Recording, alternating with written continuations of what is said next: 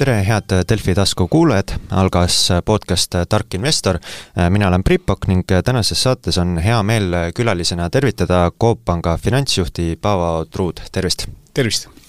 Äh, Tallinna börsi tulemuste hooaeg on sel nädalal hoogustunud, oma neljanda kvartali tulemustest teatasid sel nädalal LHV, Merko, Nordecon, Eften, United Property Fund ning nüüd täna reedel ka Coop Pank. enne kui Coop Panga tulemustest rääkida, uuriks äh, ka põgusalt üle, et kui palju ise teiste börsifirmade tegemistel silma peal hoiate?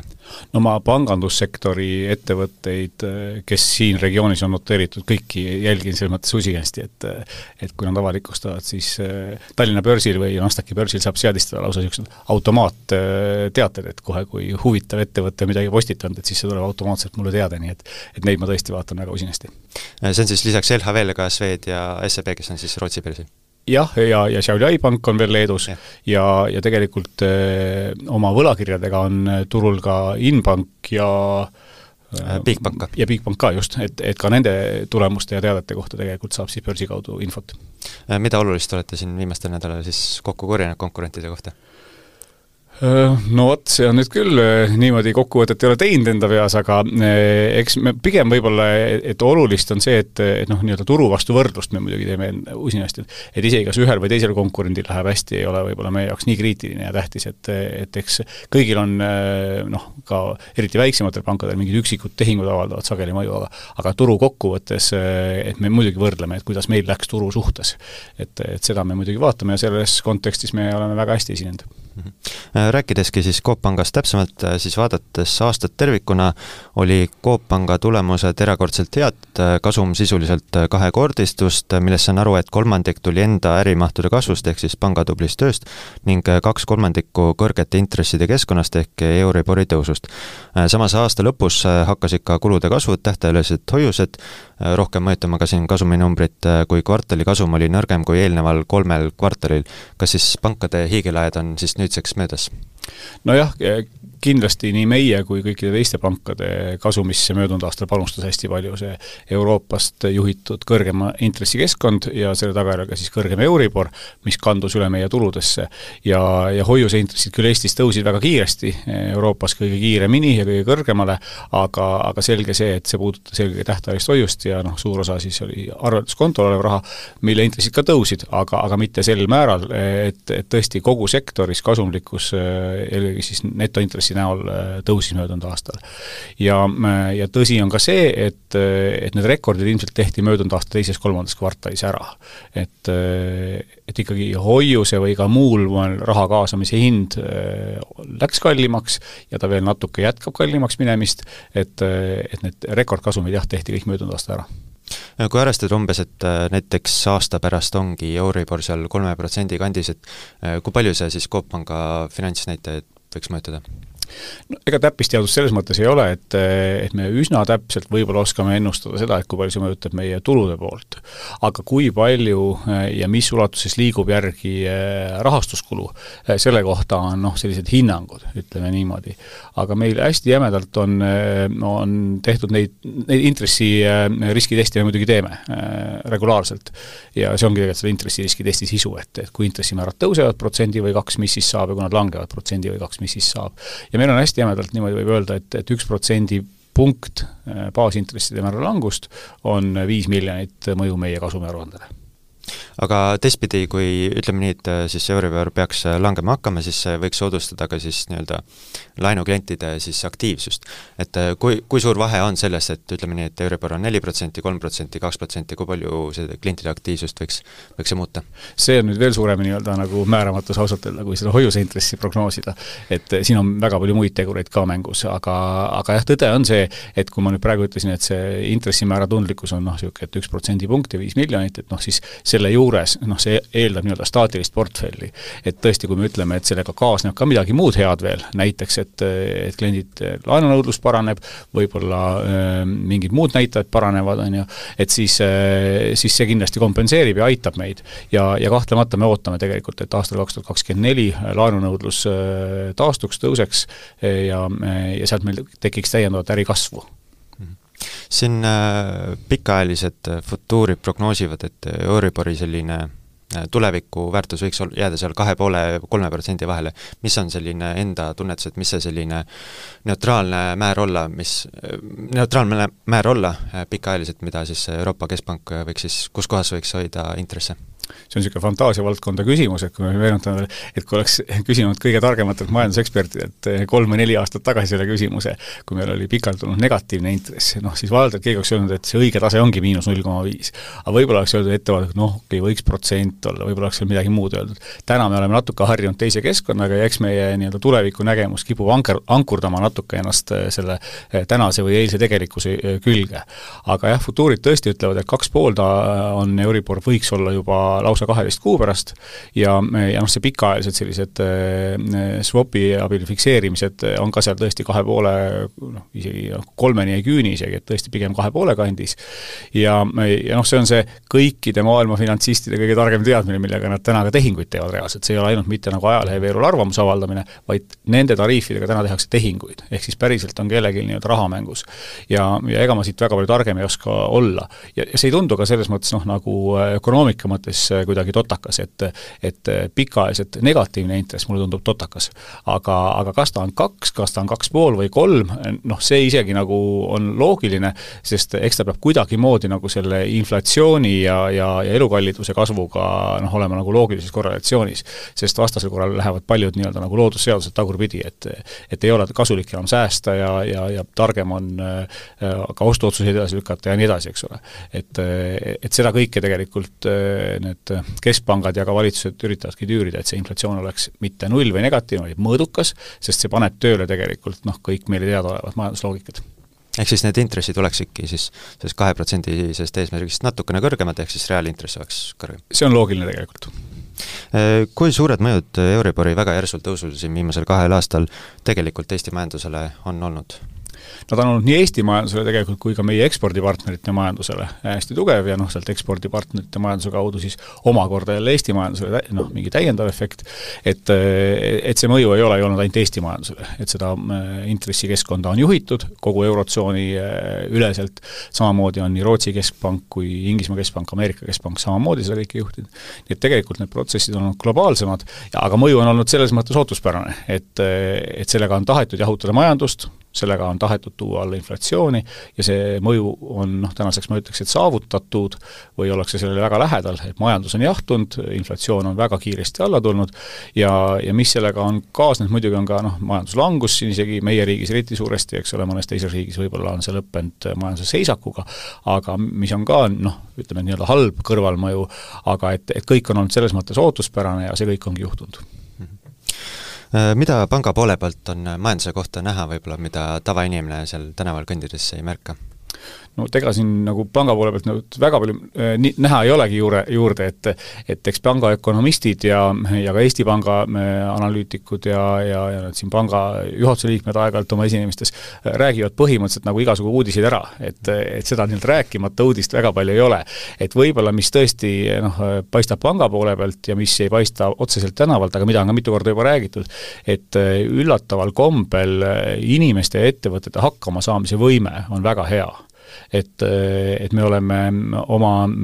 varasemates prognoosides äh, laenukahjumi provisjonimudelites igal pool arvestanud ja, ja nagu kartnud seda, et, et äkki hakatakse võlgu jääma ja äkki tulevad halvad laenud ja tulevad mingid pankrotid. vot kõike seda pole tegelikult juhtunud äh, peaaegu üldse, noh, ütleme, mingid võib-olla väiksed võbelused siin-seal, eks ole,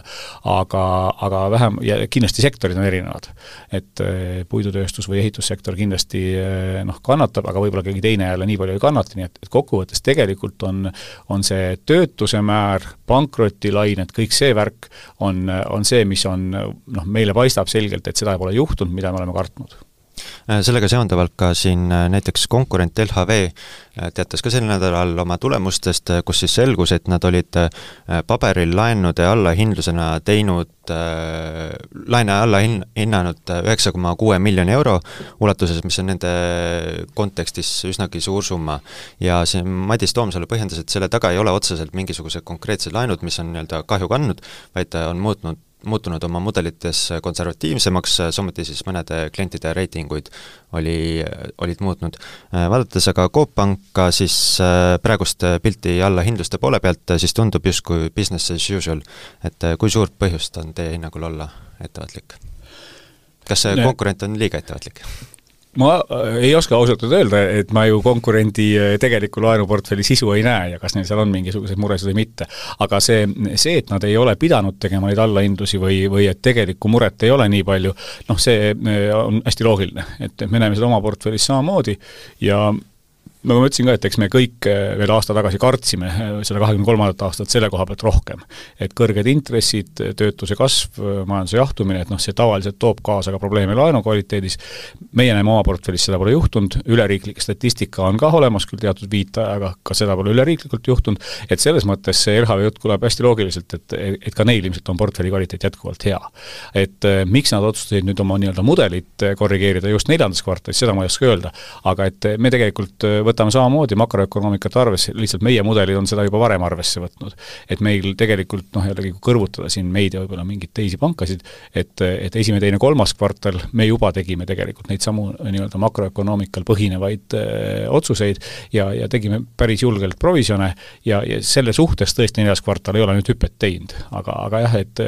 makroökonoomika komponent on ka meie mudelites sees ja see avaldab mõju Teil neljanda kvartali alla,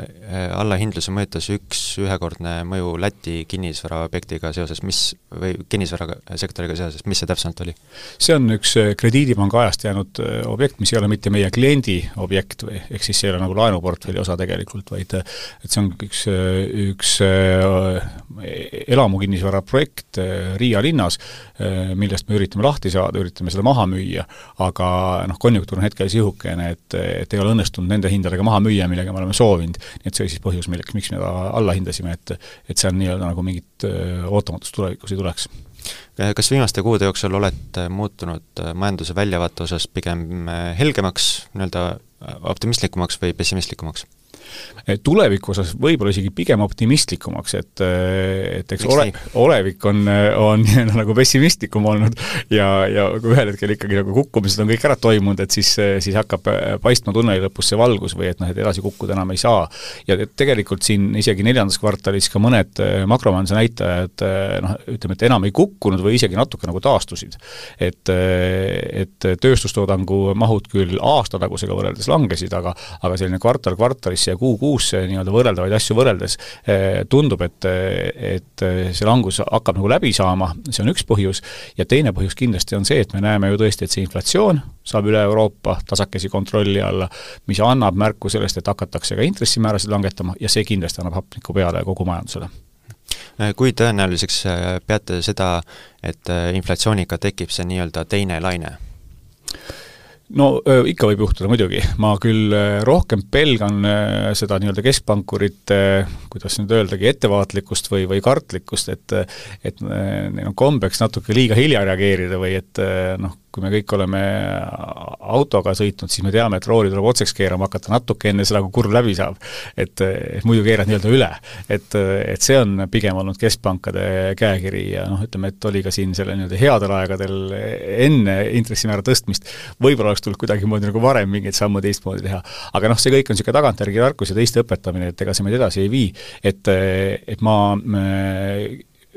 küsimusele vastates, et, et ega see inflatsioon on ka selline loom, et tal ei ole ju nagu kindlat manuaali, et vot ta käitub alati nii, et muidugi võib tulla teine ja kolmas laine, aga, aga pigem ma arvan, et siin tuleb olla nagu nüüd hästi tähelepanelik, et, et õigel ajal neid kraane eh, lahti keeramata ei jätaks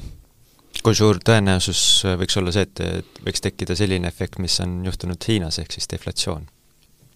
Muidugi võib juhtuda ja see ongi see nii-öelda mingis mõttes selle ülekeeramise tagajärg võib vabalt juhtuda, et, et tekib deflatsioon, eh, noh, küll see siis võib noh, nii-öelda lühiajaline, eks ole, et selle vastu annab siis võidelda, et jälle stimuleerida, aga aga siis ongi natuke see, et nagu algaja autojuht sõidab kraavist kraavi, eks ole, aga, aga professionaal suudab enam-vähem nagu joonte vahel püsida. et, et loodaks, et, et keskpankurid on, on mingi professionaalsuse omandanud ja ja suudavad seda majandust hoida ka stabiilselt nii-öelda nagu kuskil kasvukursil, mõõdukal kasvukursil ja mõõduka inflatsiooniga kursil ärilise poole pealt veel rääkides, et olete siin viimastel kuudel hoiatanud korduvalt, et hoiuste intressid on langemas, mis arvestades ka Euribori futuure vaadates tundub loogiline. samas, kas seda kartust pole olnud, et selliselt kurja kuulu-, kuulutamine võiks peletada siis kliente eemale? nojah, ega ta peletab eh, lõpuks, kui see on nii-öelda keskkonnamuutus, eh, siis eh, kliendil ei ole nii-öelda kuskile põgeneda või et, et täpselt samamoodi nagu intressimäärade tõstmine ju ka, ega ta ju raha juurde ei too, eks. et, et ta lihtsalt muudab selle kallimaks, aga, aga noh, see raha hulk on ju tegelikult piiratud ressurss ja nüüd me selles äh, intresside languse faasis on ju samamoodi, et et kui me jääksime nii-öelda ainukeseks ja me ebamõistlikult langetaksime intressi, siis loomulikult me jääme klientidest ilma. aga, aga kui see on ikkagi nagu turuloogikal põhinev ja, ja üle turu äh, protsess, äh, siis siis samamoodi nagu kliendid nüüd võitsid viimased kaksteist kuud tegelikult kõrgest hoiusest, noh, natukene vähem siis võidavad järgmised kaksteist kuud ja, ja eks laenuvõtjatel on jälle, jälle seda jagu kergem, et et see käib nii-öelda nagu hästi äh, nii käsikäes, et, et laenu ja, ja hoiuse võitjate huvid või, või hoiuse klientide huvid on siin erinevas suunas muidugi, jah. kui palju võiks olla aasta pärast siis erinevate tähtajaliste hoiuste intressid?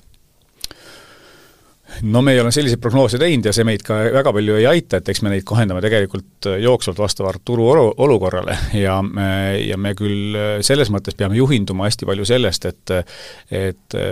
noh, kui me välja anname baasintressiga, mis on Euribor, eks ole, ja kui Euribor on aasta pärast kaks pool, noh, ega me siis seda raha ei tohi ka sisse võtta kallimalt, et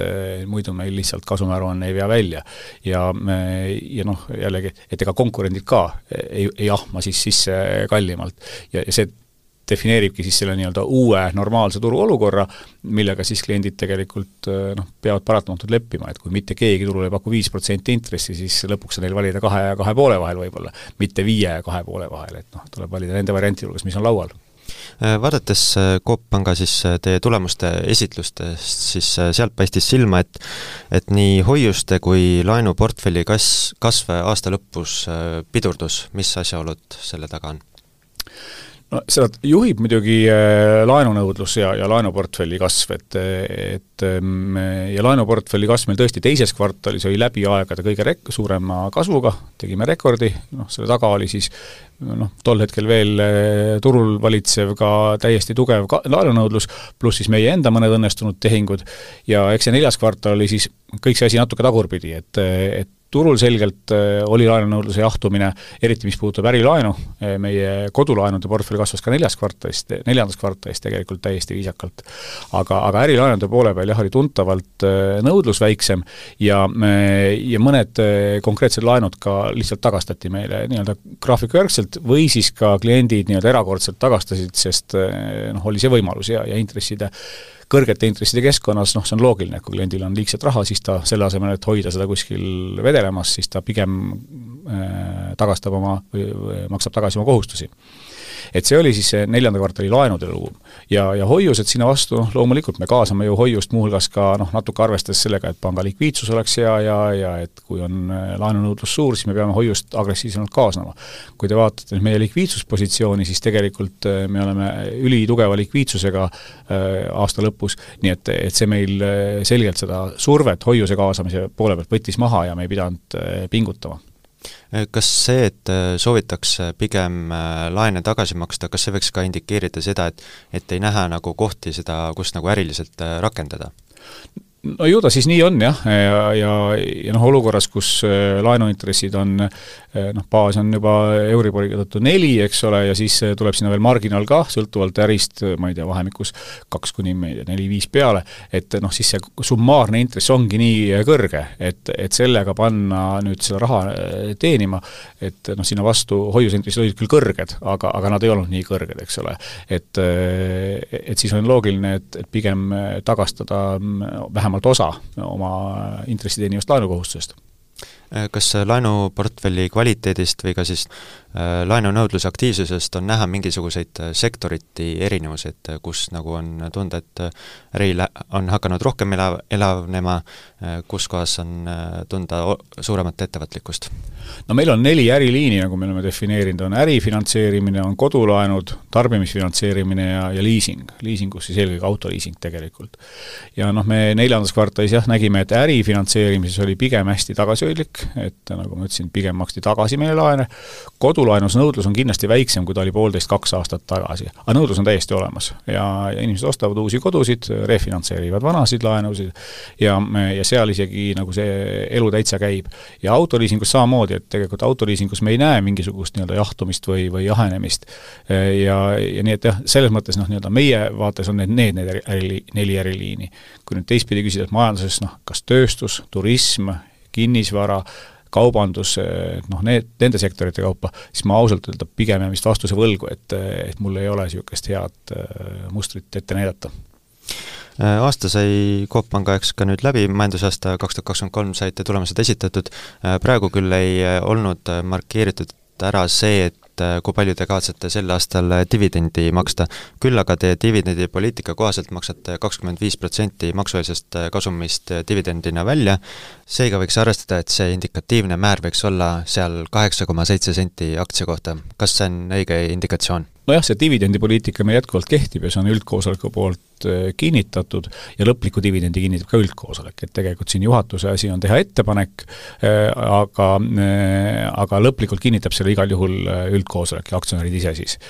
ja kui nüüd mõelda nii, et poliitika meil kinnitatud, kaks aastat me oleme maksnud seda divi-, dividendi selle dividendipoliitika järgi, et kas me näeme mingisuguseid äh, argumente või põhjuseid, miks me peaksime see aasta käituma kuidagi teistmoodi, siis ma ütlen, et ei ole niisuguseid põhjuseid, et äh, et äh, ilmselt ikkagi nagu seda divi-, dividendipoliitikat viiakse jätkuvalt ka see aasta ellu.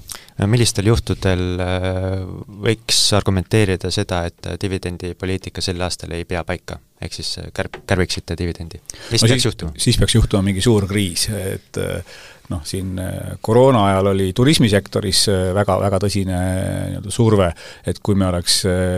turismiettevõte koroona ajal, noh siis oleks see kindlasti hea põhjus, eks ole. kui meil tuleks väga tugevad äh, laenukahjumid, noh, siin lähema siis kahe kuu jooksul, eks ole, enne üldkoosolekut, äh, siis see võiks olla see põhjus, et, et me ütleme, et stopp, meil on vaja neid reserve endal hoida. aga noh, seda pilti praegu vaadates, mis meil paistab nii enda laenuportfellist kui ka majandusest tervikuna, siis äh, ma ei näe ka neid tulemas ausalt öelda siin äh, majandusest äh, laiemalt rääkides, äh, siin räägitakse väga palju sellest, et kuidas majandus taas kasvule suunata, et eelmine nädal tuli välja ka siis Majandusministeerium oma plaaniga, pikaajalise plaaniga, kus siis viidati, et eesmärgiks on võetud, et kahe tuhande kolmekümne viiendaks aastaks kahekordistada Eesti majandust. sel nädalal kommenteerisid seda plaani Ärilehele mitmed tuntud majandustegelased, märgitakse paljuski, et eesmärk on küll üllas ja kõlav, aga ebarealistlik, et äh, samas äh, siin majanduse elavdamise osas tõi näiteks Ain Hanschmidt äh, välja, et piirkondade käimatõmbamiseks ja töö andmiseks tuleb investeerida infrastruktuuri, peame end tegema tugevaks ja ehitama piirile niinimetatud Mannerheimi kaitseliini, mis annaks kindluse ka välisinvestoritele siia piirkonda investeerida, siis pikemaajalise maksurahu peaks ka sam-, samuti saabuma ja nii edasi. Otto Pukk märkis, et tuleb valida konkreetsed sektorid, millele keskenduda, siht Äh, Kai Realo osan-, osundas, et tähtis on, et rõhuasetus tuleb panna tegevustele, millele on suurem ja kiirem mõju, äh, näiteks energiahinna küsimus, oskustööjõu saadavus ning kapitali ligipääsetavus, mida ise oluliseks peate, et või nagu mida tooksite välja, et mis aitaks seda, et Eesti majandus kasvule viia pikemaajaliselt? no ma kõigepealt sissejuhatuseks siis äh arvan midagi selle, selle pika plaani kohta, et äh, kümne aasta jooksul kahekordistada sisemajanduse kogutoodangut nominaalis äh, noh, ta on eh, võib-olla kergelt eh, ülehindab eh, meie võimekust, aga see ei ole midagi sellist, noh, mis kõlab ju tõesti, et noh, topelt ja kust siis nüüd järsku, eks ole. et, et me räägime nominaalist, ehk siis inflatsioon sealhulgas, ja me räägime kümne aasta jooksul. et, et kui nüüd see rehkendus matemaatiliselt ära teha, siis see tähendaks seda, et keskeltläbi igal aastal peaks siis nominaalis natuke üle seitsme protsendi olema majanduskasv. ja seitse protsenti isegi nominaalis on muidugi palju, eks ole. aga, aga noh, viis protsenti nominaalis ma ütleks, et ei ole palju, arvestades, et meil see inflatsioon siin ikkagi noh, pigem on võib-olla kolm protsenti, mitte kaks, mida Euroopa Keskpank soovib, et, et noh, ütleme, et viis-kuus protsenti nominaalis üle pika perioodi, ma siin nagu midagi väga võimatut ei näe. ehk siis tegelikult see eesmärk nüüd mingi, mingi noh, täitsa utopistlik ei ole, et see eesmärk on, on niisugune noh, kõva väljakutse ja võib-olla kergelt ülehindab, aga ei midagi võimatut. nüüd teiseks, kui juba mingisugune pikk plaan teha, noh siis tulekski teha julgeid plaane, sest noh, öelda, et katsume siin kuidagimoodi viisteist protsenti suuremaks seda SKT-d saada kümne aastaga, noh siis võiks sama hästi öelda, et, et mis te siin üldse katsute, et noh, siin ei ole teha, noh et see ei ole nagu mingi plaan ja nüüd kolmas asi, et, et üks, üks variant on nii-öelda nagu teha ägedaid loosungeid, öelda, et, et vot saavutame, teeme, oleme, aga noh, nendele peaks ikkagi mingid konkreetsed teod järgnema, sellele plaanile. et, et, et mis, et me peaks see maja, kui ministeerium ütleb, et meil on plaan kahekordistada majandust, siis peaks olema ka mingi tegevus, üks, kaks, kolm, vot nende tegevuste ärategemisel me oleme nagu sellele plaanile liik-, lähemale liikumas või, või see aitab, eks ole. nii et ma pigem ootaks neid tegevusi kui seda loosungit niimoodi, see oli nüüd siis plaanist, aga, aga nüüd sa küsisid ka, et, et mis meetmeid siis peaks tegema. et, et ma mõnel puhul olen tõesti kuulnud siin nagu, kes see siin ütles, tööstur Otto Pukk, et et peaks valima välja mingid majandussektorid, millele siis rõhku panna. vaat ma sellisesse ministeeriumi poolt väljavalimisse nagu hästi ei usu. et, et ma arvan, et, et ettevõtjad ise valivad neid sektoreid kõige paremini välja. et kui nüüd keegi tark pea ministeeriumist ütleb, et vot, teeme sinna Kuressaarde nüüd laevandusklastri ja, ja ma ei tea veel mille. noh, et, et tegelikult Kuressaares on väga toredad inimesed olemas, kes ise saavad aru, kas sinna on laevaehitust vaja või ei ole vaja. ja, ja kui nii-öelda keskkond noh, igas mõttes soosib seda, siis see laevandusklaster sinna tekib, kui ei segata. et, et nüüd öelda ministeeriumist, et vot Jõgevale teeme juustutööstust ja Paidesse teeme äh, tekstiilitööstust, noh mulle niisugune stiil ei tundu eriti jätkusuutlik. see on natuke nagu niisugune Põhja-Korea kurss, et, et ärme seda teeme nüüd midagi on, mis on küll universaalne, mida peaks ütlema, et, et näiteks energeetika tõesti, sest see ei ole noh, mingi konkreetse piirkonna, linna või, või mingisuguse osaühingu väljavalimine, see on väga universaalne asi, et, et noh, meil on mõned asjad, mis on hästi universaalsed, noh mingi a la kohtusüsteem, õiguskindlus, see, et kõik maksavad makse, noh see on universaalne keskkond. ja see on see asi, millega riik peab pingutama. ja energeetika ma paneksin siia patta küll, et, et nii-öelda energiavarustuse kindlus ja, ja, ja selle jõukohane hind, et see on küll üks asi, millega riik riik peaks panustama. aga kas selle energiaga tehakse juustu või, või laevasid, seda ei peaks riik ütlema. see on ettevõtjate asi? see on ettevõtjate asi ja ettevõtjad üldiselt on sellega saanud väga hästi hakkama, oluliselt paremini kui riigid ja saate lõpuks tuleks taas põgusalt ka investeerimisteemade juurde uuesti. omad ise nelikümmend kaheksa tuhat kakssada nelikümmend kaheksa Coop Panga aktsiat, kas olete ka muidu ise laiemalt aktiivne investor või mitte? Ma ei oskaks nüüd öelda, kas ma nüüd väga aktiivne olen, aga, aga jah, ma oma säästusid äh, mingis osas äh, noh, mu isiklikud säästud on, on nii-öelda nagu erinevatesse varaklassidesse paigutatud, et äh, noh, mul on oma kodu, mis on nii-öelda kinnisvarasektorisse tehtud investeering, võib öelda, siis, siis mul on pensionisambad, nii esime-, nii teine kui kolmas avatud ja, ja teen sinna usinasti sissemakseid. ja, ja on olemas ka selline varaklass tõesti, et ma nii-öelda noteeritud aktsiaid ka nipet-näpet ostan, ma kindlasti ei ole selles maailmas kõige aktiivsem ja kõige targem, et, et et see Coop Panga aktsiaost on, äh, või aktsiate omamine muidugi tuleneb ka minu ametist äh, suhteliselt palju ja kuigi ma olin Coop Panga aktsionär ka enne Coop Panka tööle asumist, aga, aga et äh, et kindlasti mul täna on usku sellesse panka rohkemgi kui võib-olla inimesele tänavast. omate ka siis välisaktsiaid mingeid? Oman ka välisettevõtete aktsiaid jah, nii, nii finantssektoris, tehnoloogiasektoris, autotööstuses, aga mu portfell ei ole liiga hajutatud, et ma saan aru, võib-olla mingi kaksteist nime äkki. Oskate mingeid nimesid välja tuua, julgete? Et nagu hoiatavat väidet et, et eks mul on nii õnnestumisi kui ebaõnnestumisi, et äh, ma tõesti olen äh, selles mõttes piisavalt ebaprofessionaalne, et ma siin sellist noh, nagu turgudel investeerimise nõu hea meelega andma ei hakkaks, et, et kindlasti on targemaid, kes seda oskavad teha. aga isiklikult, milline investor praegu olete, et kas pigem selline ettevaatlik, et tundub, et turud on liiga palju eest ära rallinud, või siis äh, vastupidi, et näete, et praegu häid võimalusi? ma olen üritanud olla äh, selles mõttes noh, nagu targem kui kõik teised. et, et pigem nagu üritanud leida neid nii-öelda vastutsüklilisi investeeringuid, et kui keegi hakkab halama, et, et turism kukub, et siis ma olen vaadanud, et noh, et äkki reageeritakse üle. ja üldiselt kiputakse üle reageerima muidugi. aga eks ma selle juures olen näppu ka lõiganud, et vahel, vahel on selle nii-öelda suure languse taga ka mingi sisulisem põhjus, mida ma võib-olla ei ole teadnud ja eks ma olen siis kõrvetada ka saanud. aga, aga jah, ma, ma e, üritan olla pigem mitte nagu massiga kaasajooksja, vaid leida, et kus siis see mass on vea teinud, et kas siis üle reageerinud ühte või teistpidi. ja siis üritanud neid kohti noh, kas siis ära kasutada või siis vältida, kui on ülereageerimine ülespoole. et, et kindlasti ma olen selle koha pealt ka kaotanud, et et me siin teame, et eelmisel aastal nii-öelda USA börssidel oli see nii-öelda suur seitse, kes eh, hirmsasti kasvas, minu meelest olid nad ülehinnatud juba aasta tagasi, seetõttu ma sinna ei ole panustanud ja jäin kogu eelmise aasta suurest kasvust ilma jah, ma just tahtsin ka küsida, et kas ei tekkinud tunne, et äh, Nvidiasse oleks pidanud panema raha? see tunne tekkis tagantjärgi. Ettepoole vaates seda tunnet kindlasti ei olnud, sest minu arust rämedalt ülehinnatud juba tä-, juba enne, ka Tesla on kogu aeg olnud ülehinnatud ja muud sellised äh, hitid, nii et noh, see on minu nii-öelda nagu vastuvoolu ujumise õppetund siis, et, et alati ei õnnestu sellega võita. Vot, aga sellega on ka sobiv äh, lõpetada tänane saade Tark investor, äh, külas oli Coop Panga finantsjuht Paavo Truu, mina olen Priit Pokk, aitäh kuulamast! aitäh!